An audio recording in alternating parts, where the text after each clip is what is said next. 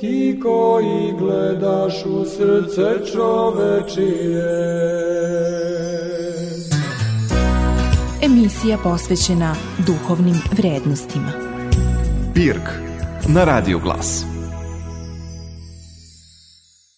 Pomože Bog, poštovani slušalci. U nedelju 4. februara, nakon liturgijskog sabranja u crkvi Svetog cara Konstantina i carice Jelene u Nišu, jerej dr. Boban Dimitrijević održao je u kripti hrama katehezu predavanje inspirisano čitanjem iz današnjeg apostola, odeljak iz poslovnice Timoteju, na temu značaj i mesto crkve kao tela Hristovog u tumačenju Svetog pisma.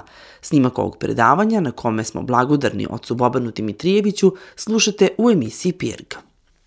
Čuli smo u besedi, dakle, označava pre svega klasičan primjer onoga što nazivamo sinergijom, saradnjom Božje volje, Božje blagodati i ljudske slobode, ljudske vere koju ovaj slepi čovek iz Erihona projavljuje. Međutim, kažem, to je jedno od onih evanđelja koje se ne čita stalno u crkvi, nego kada kasnije padne ovaj Vaskrs, u nedelji posle bogavljenja, čita se evanđelje o početku Hristove propovedi, budući da je bogavljenje krštenje Hristovo, odnosno početak njegove javne delatnosti i onda se dodaju evanđelja do ovih pet nedelja koje idu u okviru velikog posta. Nekad se ne dodaje ni jedno, nekad se dodaje jedno ili dva, evo sad se dodaju dva praktično. Prošle nedelje smo slušali evanđelje o bogatom mladiću, s tim što je to odeljak iz, ne znam, evanđelja po Luki, a redovno se čita u toku godine negde na sredini, ne znam, 19. 20. nedelja, možda i malo kasnije, nisam siguran, ne znam, na pamet, iz evanđelja po Mateju, ali isti događaj. E tako i s ovim evanđeljem. Jedno od onih evanđelja koje se ponavlja, dodaje da se poklope te nedelje, dakle do... I onda se čitaju i odeljci, naravno, iz apostola, koji su vezani za to čitanje. I danas je, u stvari, ono na čemu sam ja hteo da zastanemo, odnosno da obratimo pažnju, naravno neću dugo, neću da vas opterećem previše, ali da kažemo koju reč, zato što obično o evanđelju pričamo, a i danas je otac Bojan veoma lepo besedio, ali bih volio ovo, ovaj odeljak iz e, apostola da onako, što se kaže, ne protumačimo, ali da kažemo nešto o njemu. Ovaj, kratak odeljak i na prvi pogled nije nešto previše inspirativan za tumačenje, a u stvari zaista nosi e, veliku dubinu. E, slično onom odeljku iz poslanice Kološanima koji smo slušali pre nekoliko nedelja kad smo govorili o Bogu kao svetoj trojici, dakle u bogoslju svetog Vasilija, s obzirom da je bio i taj praznik. Evo samo ćemo da se podsjetimo apostola, znači prva poslanica Timoteju u pitanju. Inače, apostol Pavle je pisao 14 poslanica u kanonu Svetog pisma Novog Zaveta, od kojih su neke nazvane pastirskim poslanicama. Jedna od tih poslanica koja se naziva pastirskim poslanicama jeste i poslanica Timoteju, prva i druga Timoteju, ne slučajno, zato što su te poslanice namenjene pastirima crkava, u ovom slučaju Timoteju, i poučne su, naravno, za sve crkvene pastire kroz vekove, odnosno za crkvenu jerarhiju, kao pomoć u duhovnom rukovodđenju, ali i mnogo više.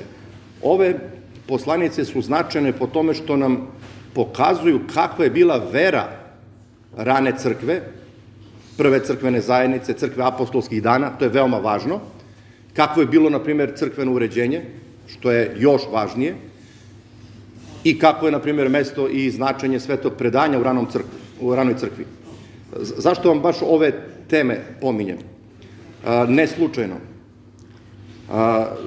Danas na društvenim mrežama, naročito sam imao prilike ovih dana da slušam i gledam na TikToku i na još nekim mrežama, takozvane slobodne hrišćane, tako ih nazivaju. Hrišćane, kako ih nazivaju, biblistima. Prosto smatraju da je za odnos sa Bogom dovoljno čitati sveto pismo, truditi se da ispunjavate Božje zapovesti i nije vam potrebna nikakva crkva. Čak naprotiv, crkva je tu nekakva smetnja u vašem odnosu sa Bogom. Dakle, nekakva ograda koja vas, malte ne, zaustavlja na putu ka Bogu.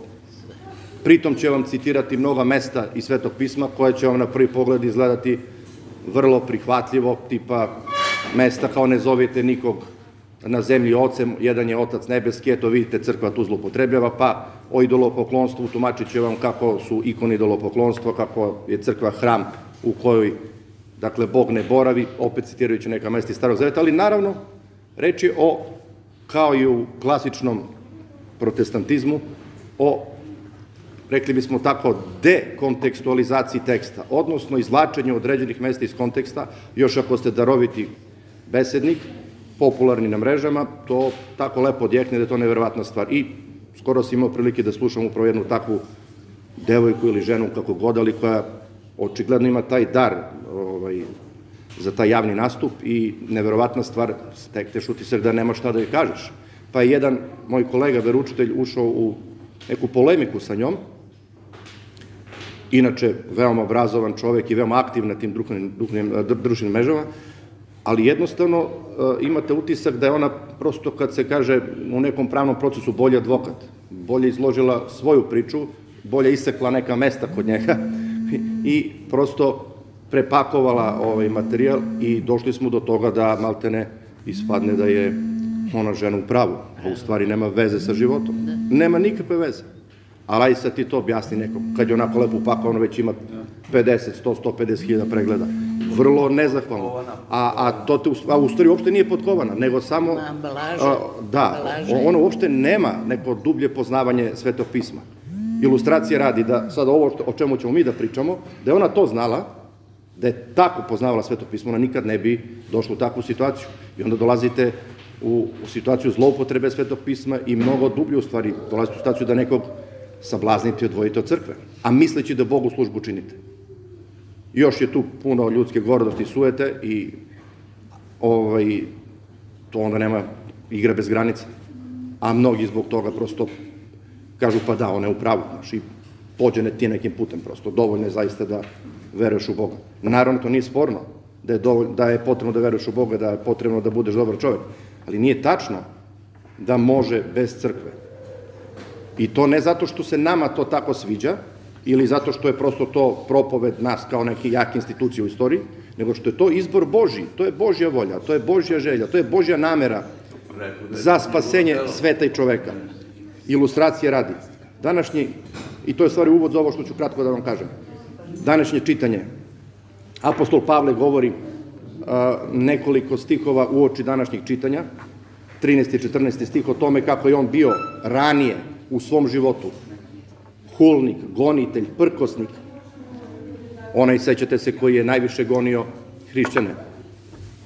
Nekadašnji Savle obratio se na putu za Damask, videvši vaskrslo gospoda, koji ga susreće na putu za Damask i pazite, govori mu, Savle, Savle, zašto me goniš? Teško ti je protiv ubodila praćati se. A on mu kaže, ko si ti gospode? Kaže, ja sam Isus koga ti goniš. Savle je pošao u Damask da goni ranu crkvenu zajednicu koja je tamo formirana posle Pedesetnice od hrišćana iz Jerusalima koji su tu dolazili za praznik, a su praktično dijaspori u Damasku, i od hrišćana koji su već počeli da beže polako iz Jerusalima jer je došlo do nekih lokalnih gonjenja, upravo onog prvog gonjenja od strane jevreskog sinedriona sveštenstva. I tu, na putu za Damask, On ima viđenje, kasnije se obraća gospodu, oslepljuje, dakle, posle toga se krštava od strane Ananije u jednog od učenika Hristovih, odnosno jednog od vođa crkve u Damasku, mogli bismo slobodno da kažemo, s obzirom da ga je krstio, da je verovatno bio na neki način i episkop te crkve u Damasku. Ali ono što je bitno, to, je, to su ove reči, Savle, Savle, zašto me goniš? A on je pošao da goni crkvenu zajednicu u Damasku odnosno hrišćane, ljude. Kada bismo ovako gledali kako gleda ta žena, ta devojka na TikToku, on nije pošao da goni Hrista, pošao da goni hrišćane.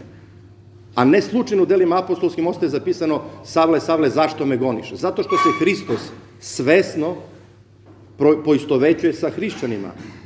Nije slučajno da se zato u bogoslovlju otaca razvija učenje o crkvi kao telu Hristovom. Posle kod apostola Pavla, u prvoj poslanici Korinđanima i u poslanici Rimljanima, dakle poslanicama koje će pisati upravo ovaj apostol, 20-30 godina kasnije, objašnjavajući da crkva nije ništa drugo do telo Hristovo, odnosno sam Hristos prisutan kroz vekove, reći na primjer, danas Sveti Java Justin Ćelijski. Dakle, sama činjenica da se Hristos identifikuje sa vernima u Damasku upućuje na to da i tekako crkva ima kao zajednica vernih ulogu i značaj u odnosu čoveka sa Bogom. To će se ispostaviti vrlo brzo. Ananija krsti, dakle, apostola Pavla na taj način, on postaje sledbenik puta gospodnjeg. Još tada nije, nije, tad su je veri nazivali učenicima, sledbenicima puta gospodnjeg. Kasnije će se u Antiohiji nazvati hrišćanima. I vidite, eto, to, to na primjer ta žena ne zna. I ne ta žena, nego mnoge devojke, mnogi ljudi na, na tim društvenim mrežama. A čuju onako upakovano i imaju utisak da su zaista sve klasičan protestantski sindrom. Ali, kažem, protestantski u smislu sekti, ne u smislu tradicionalnih protestantskih zajednica koje danas i tekako znaju mesto ovaj, i ulogu i značaj crkve. Kaže, istinita je reč, e sad kaže, još više se umnoži blagodat gospodnja našega sa verom i ljubavlju u Hristu Isusu, za, budući da je bio, kaže, pomilovan iz neznanja, učini, sve što učinio, učinio u neverovanju iz neznanja. I onda se blagodat i ljubav gospoda Isusa pokazala mnogo i kaže, istinita je reč, prema njemu, zato što ga obratio, istinita je reč i svakog primanja dostojna da Hristos Isus dođe u sve da spase grešnike od kojih sam prvi ja. Vrlo zanimljiva stvar. Da Hristos Isus, ovde ne kaže Isus Hristos. Prvo kaže Hristos pa Isus. Hristos, pomazanik, Mesija, u nekom skroz slobodnom opisu na srpskom, onaj na kome je duh sveti, onaj koji je pomazan, onaj koji ima duha svetog, onaj koji ima duha Božijeg, onaj koji oprisutnjuje Boga. I, kaže, primanja dosta reč da Hristos Isus, da, dakle, taj Isus, to je lično ime, spaso je spasitelj, onaj koji spasava, je Hošua, dakle, da, da, da je Isus, da, da je Hristos Isus, znači da taj Isus je u stvari Mesija, spastelj koji će doći, Mesija, pomazanik, Bog koji će doći među ljude. Da dođe u svet, kaže, da spase grešnike od kojih sam prvi ja. Vidite koliko već ova mesta iz Svetog pisma vas podsjećaju na neka mesta, na primjer iz molitvenika, kad se pričešćuje to, od kojih sam prva ja, prvi ja, grešnik. Koliko u stvari Sveto pismo prožeto bogosluženjem crkve, predanjem crkve, onim što nije samo zapisano ovde u, u kanonu Svetog pisma. Koliko u stvari ne možemo da Sveto pismo shvatamo samo za sebe kao knjigu Pavlu s neba, nego kao crkvenu knjigu, koja ima svoj ambijent i atmosferu u kojoj treba da je tumačimo. Ali, kaže, zbog toga bih pomilovan da bi Isus Hristos pokazao na meni prvome sve dogotrpljenje za primjer onima koji će verovati u njega za život večno. Ovde onda jedna pedagoška, pastirska pouka da u stvari to što se Pavlu desilo je primjer svima nama. Mi nismo videli Vaskrslog Hrista kao što ga je on video. Imamo utisak da je na neki način to malte ne naselje na njegovom slobodnom voljom. A u stvari nije. On je i tekako mogao da proglasi to viđenje za, ne znam, nekakvu psihozu, za nekakvu nekakvo lažno stvaranje paralelne stvarnosti za, ne, za, za nešto izmišljeno, što i ima, dakle, takvih pogrešnih tumačenja, definitivno, bilo je. Ali, apostol Pavle ima jedno živo iskustvo na koje mogu da odgovori pozitivno i negativno. A o čemu vam govorim? Govorim o tome da je mnogo ljudi i tada slušalo apostola Pavla i gledalo njegova svedočanstva, dakle, vere, potvrdu onoga što je propovedao u mnogim čudima koje je činio. I on i apostol Petar, kaže, čekali su samo senka da prođe njihovo, dakle, ili ubrusa od znoja, pa su isceljivali. Vrlo interesantno. S jedne strane, jako svedočanstvo vera, a s druge strane, i mnogi koji su pošli za njima, pa odbacili Hrista. I onda kaže on, među kojima su na vodi neke, i mene i Aleksandar koje je predadog satani da se nauče da ne hule. Odnosno, neki od njegovih učenika koji su pošli pogrešnim putem, odbacili to njegovo svedočanstvo. Prosto čovek uvek može da odbaci, odbaci svedočanstvo Hristovo, svedočanstvo crkve, u ovom slučaju svedočanstvo apostola. nije to nešto što negira slobodnu volju. Ako na prvi pogled imate utisak da je to iskustvo apostola Pavle bilo takvo, jer pazite, vaskrsli Hristos mu se javlja na putu za Damask u božanskoj svetlosti i sili. I on završava ovo čitanje e, rečima, kaže, a caru vekova, neprolaznome, nevidljivome, jedinome, premudrome Bogu, časti slavu vekove vekova, amin.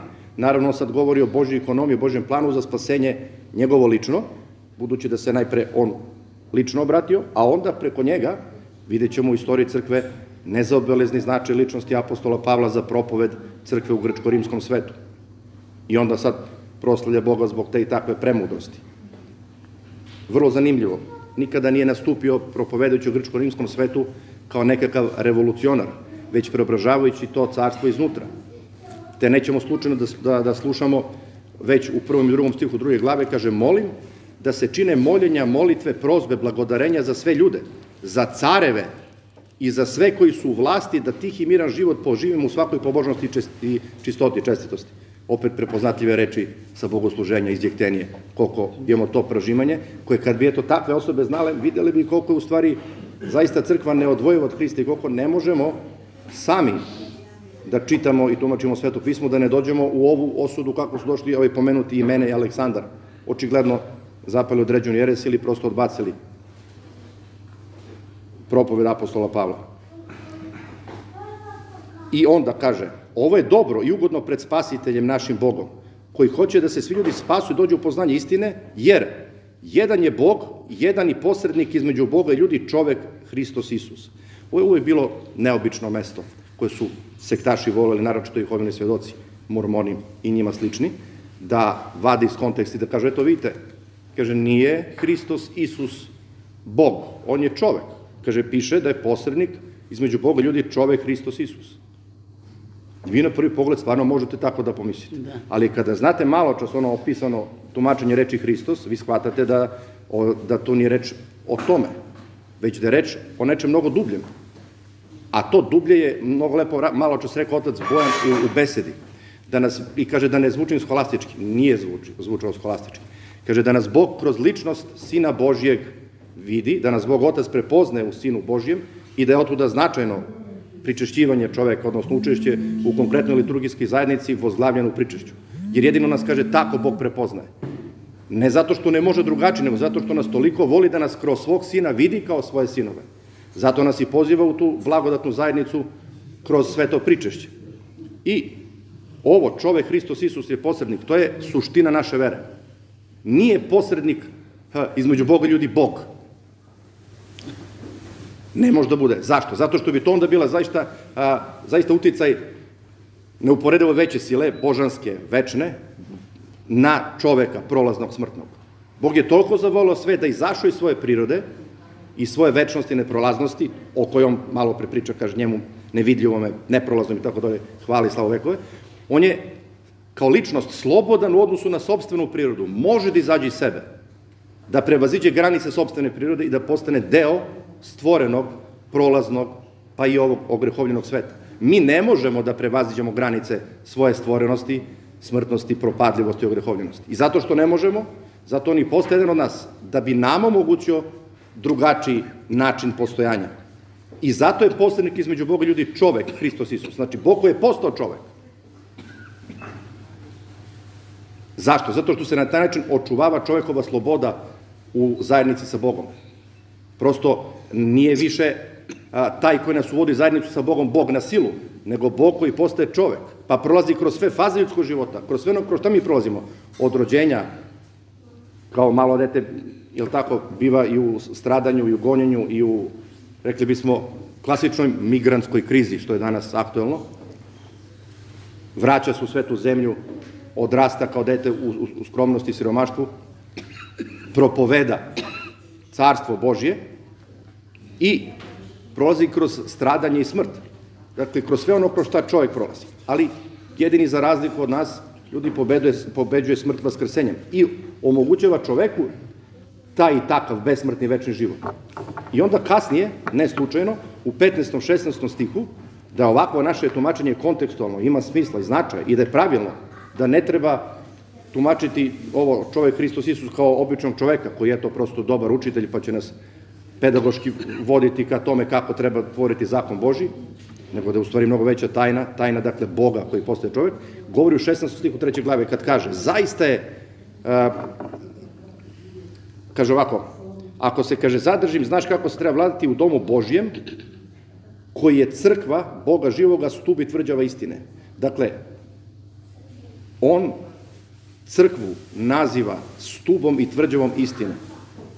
A to piše Timoteju kao jednom od pastira rane crkve. Rekli bismo episkopu u, u najčešćem smislu te reče. Bez obzira što ta reč tada još nije korišćena na taj način.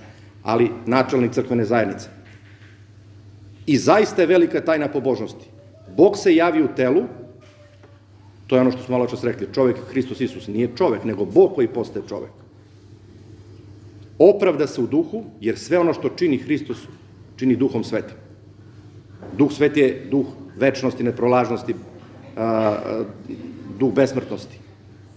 Duh Boži koji omogućava Hristu kada postane čovek, da prođe kroz sve ono kroz šta prođe čovek, ali ga i oslobođava ti granica smrtnosti i propadljivosti. Gde god Duh Sveti deluje, uvodi se carstvo Božje u istoriju, odnosno uvodi se besmrtnost u smrtnost, netruležnost u truležnost, propadljivost. Nije slučajno zašto imamo toliko mirotočevih ikona, mirotočevih celebnih mošti, koji su upravo projeva tog neprolaznog blagodatnog dejstva Duha Svetog, tog budućeg carstva Božijeg. I kaže, opravda su duhu, pokaza se anđelima u vaznesenje Hristovo, odnosno uznošenje ljudske prirode do neba, gde jeste mesto učešću u bogožanskom životu Svete Trojice, propoveda se ne za božcima, verova se u svetu, vaznese se u slavi. Taj 15. i 16. stih su se govorili, često koristili kao bogoslužbena himna u ranoj crkvi. Prosto to piše Pavle njemu, ali piše tako što su stvari tako jedno mesto koristi kasnije u bogosluženju kao himna, zajedno s onim malo prepomenutim mestom da je Hristos došao da se spasimo od greha, dakle, kaže, od grešnice spasu kojeg sam prvi ja. Vrlo bitno ovo mesto poslednje koje smo citirali, zato što pokazuje koliko je u stvari u apostolskoj propovedi bitno shvatiti da Zajednica sa Hristom nije moguća bez ulaska u crkvu. Crkva je stub i tvrđava istine. Nismo mi sami za sebe stubovi i tvrđava istine. Nismo mi sami ti koji mogu da dođu do Hrista mimo crkve. Zato što u stvari crkva nije ništa drugo do telo Hristovo, Hristos koji je sad ovde prisutan. Kada to shvatimo da ne postoji različitost između Hrista i crkve, a to jeste upravo intencija čitavog Novog Zaveta, onda ćemo na pravi način shvatiti kakva je poruka hrišćanstva i da je hrišćanstvo u stvari zaista crkva i nezamislivo bez crkve, jer je jedino na taj način nezamislivo bez Hrista, jer crkva nije drugo do zajednice tela Hristovog. To sam samo hteo za danas da vam ispričam, jer ovo me podstaklo što sam slušao na društvenim mrežama i jednostavno trebaju te teme, iako smo ih možda do sada više puta pričali, treba uvijek da se e, iznova kažu, jer ćete biti u situaciji da razgovarate sa takvim ili sa sličnim ljudima sa koji imaju slične razmišljenja, pa je dobro da odavde ponesete neko iskustvo znanja o tome da možete da posvedočite, da kažete, vidite, nije baš to tako kako vi pričate, u Svetom pismu ima i mesta koja drugačije svedoče. A evo, upravo ovakva jedna poslanica Timoteju je, vidite, s jedne strane počinjemo od pastirske poslanice, kao pouke episkopima i uh, jerarhije crkve, u stvari ne. Ovo je pouka svima vernima. Pouka svima vernima, dakle. Da bismo mogli na pravi način da svedočimo Hrista. Jer u stvari, đavo to i hoće, ne da ne verujemo u Hrista, nego da verujemo pogrešno u Hrista. Jeres nikada nije bila put laži, nego polu istine. Jeres je, jeres je apsolutizacija, da, mnogo opasnije, jeres je apsolutizacija dela istine. To je vrlo bitna stvar. Da li je Hristos Bog ili čovek? I imali ste dve najveće jeresi u istoriji crkve monofizitstvo, apsolutizacija Hristovog božanstva. Jednostavno ne mogu da prihvate da je Hristos bio čovek. To je bilo samo onako na izgled, odnosno trenutno, odnosno to vreme dok je Hristos živao na zemlji. Kasnije se ta ljudska priroda razdela u božanskoj kao kap u moru nestala. S druge strane, krajnost Nestorija, Nestorijanske eresi, koja apsolutizuje ljudski faktor, ljudsku prirodu Hristu do te mere da kaže da prosto nije moguće da se Bog i čovek sjedine, a da ne dođe do poništenja ljudskog. Odnosno, čovek postoji samo u moralnom sjedinjenju sa Bogom. Sinafija, tako se to naziva kod združenja, moralno združenje. Rekli bismo ono što imate kod apostola, kod proroka, kod podvižnika, kod svakog čovjeka koji živi moralnim životom i trudi se da kroz moral, kroz etiku, kroz uh, sinafija je saradnja, dakle, kroz svoju dobru volju da se približi volji Božje. Toliko su u stvari čovek Isus i Sin Boži bili povezani u Hristovoj ličnosti. To su u stvari dve različite ličnosti. Govorili su, kaže nestorijanci, jer prosto smatrali su da je to najviše što može između Boga i čoveka. I to su dve krajnosti koje su, a, vidite, prihvatene od mnogih crkvenih jeraraka u svoje vreme, ali naravno i osuđene, zato i donut takozvani Halkidonski oros, oros četvrtog vasiljenskog sabora, koji govori o tome da se u Hristu, Isusu, prevečnom Sinu Božijem, drugom licu Svete Trojice, sjedinjuju božanska i ljudska priroda na nerazdeljiv, nerazlučan, nerazdvojen, to su epitete koje se koriste protiv nestorijanstva, dakle, nerazdeljivo i nerazdvojeno, da se pokaže koliko je prisnost tog sjedinjenja, ljubav u tom sjedinjenju, a s druge strane, sa strane i kaže nepromenljiv i neslive način, dakle da nije došlo do promene Boga u čoveka ili čoveka u Boga u tom sjedinjenju dveju priroda. Odnosno da ipak se očuvava sloboda ljudskog postojanja. Odnosno čovek nikad neće prestati da bude čovek u večnosti sjedinjen sa Hristom. A će postojati na drugačiji način u odnosu na ono što smo kao ljudi mogli sebi da pružimo. A to je dva metra pod zemljom na kraju. Odnosno smrtnost i propadljivost. Nov način života nam nudi Hristos obesmrćen način života. I onda kada slušate ovakvu dogmatiku, odmah vam je jasno da sve to pričešće ima ontološki, suštinski, životni značaj za, za život čoveka. Nije to prosto a, fina pedagogija. Kad sam malo bolji, pričestit ću se. Kad sam malo nedostojniji, neću. Ne, to je pitanje egzistencije. Bog je učinio da se na takav način spasavamo i ako mi to odbacujemo, onda imamo problem sa odbacivanjem spasenja. I tu nam đavo još više podmeće govori nam kako smo mi nedostojni, kako smo ovako, onako. I zato uvek treba otvoriti prvu poslanicu o Korinćanima Pavlovu koji govori upravo nedostojnosti i dostojnosti. U 11. glavi kaže, kaže, ko nedostojno jede telo i krv na sina čovjeka, kaže, krv sebi, sud sebi i pije. A o čemu govori, to je ono kontekstualizacija, o čemu govori neposredno pre tih stihova? Pazite, o sukobima, o podelama, o mržnji do koje je došlo u korinskoj zajednici. Znači, on nedostojnost i dostojnost stavlja u kontekst odnosa prema bližnjem. Dakle, jedini preduslov za vaše dostojno pričešćivanje je da nisi u svađi, u mržnji, u zlopamćenju, u lošoj reči o drugom. Ili kako će to Hristos reći u Evanđelju po Mateju, kaže, ako imaš problem sa supornikom svojim, miri se sa njim na putu, kaže, pomiri se, pa onda prinesi žrtvu svoju na žrtvenik pred gospodom. Znači, nemoj, dakle, da učestvuješ u liturgijskoj zajednici, samo se pričešćuješ ako si u svađi sa nekim. I to je, kad kažemo svađa, svađa može da znači svašta u životu čovjeka, ali pre svega se pojavlja kroz činjenicu, dakle, odbacivanja zajednice sa drugim. Kroz mržnju, kroz ogovaranje, kroz lopamćenje i tako dalje. To su zaista gresi koji čoveka udalje od Boga. Mnoge druge slabosti, koje su nam svojstvene, to su u stvari gresi zbog kojih se pričešćujemo, da bi nam pričeće bilo na očišćenje, kako kaže Sveti Jovan Kasija. Poštovani slušalci, u današnjoj emisiji PIRG slušali ste snimak predavanja oca Bobana Dimitrijevića na temu Značaj i mesto crkve kao tela Hristovog u tumačenju Svetog pisma. Gospode,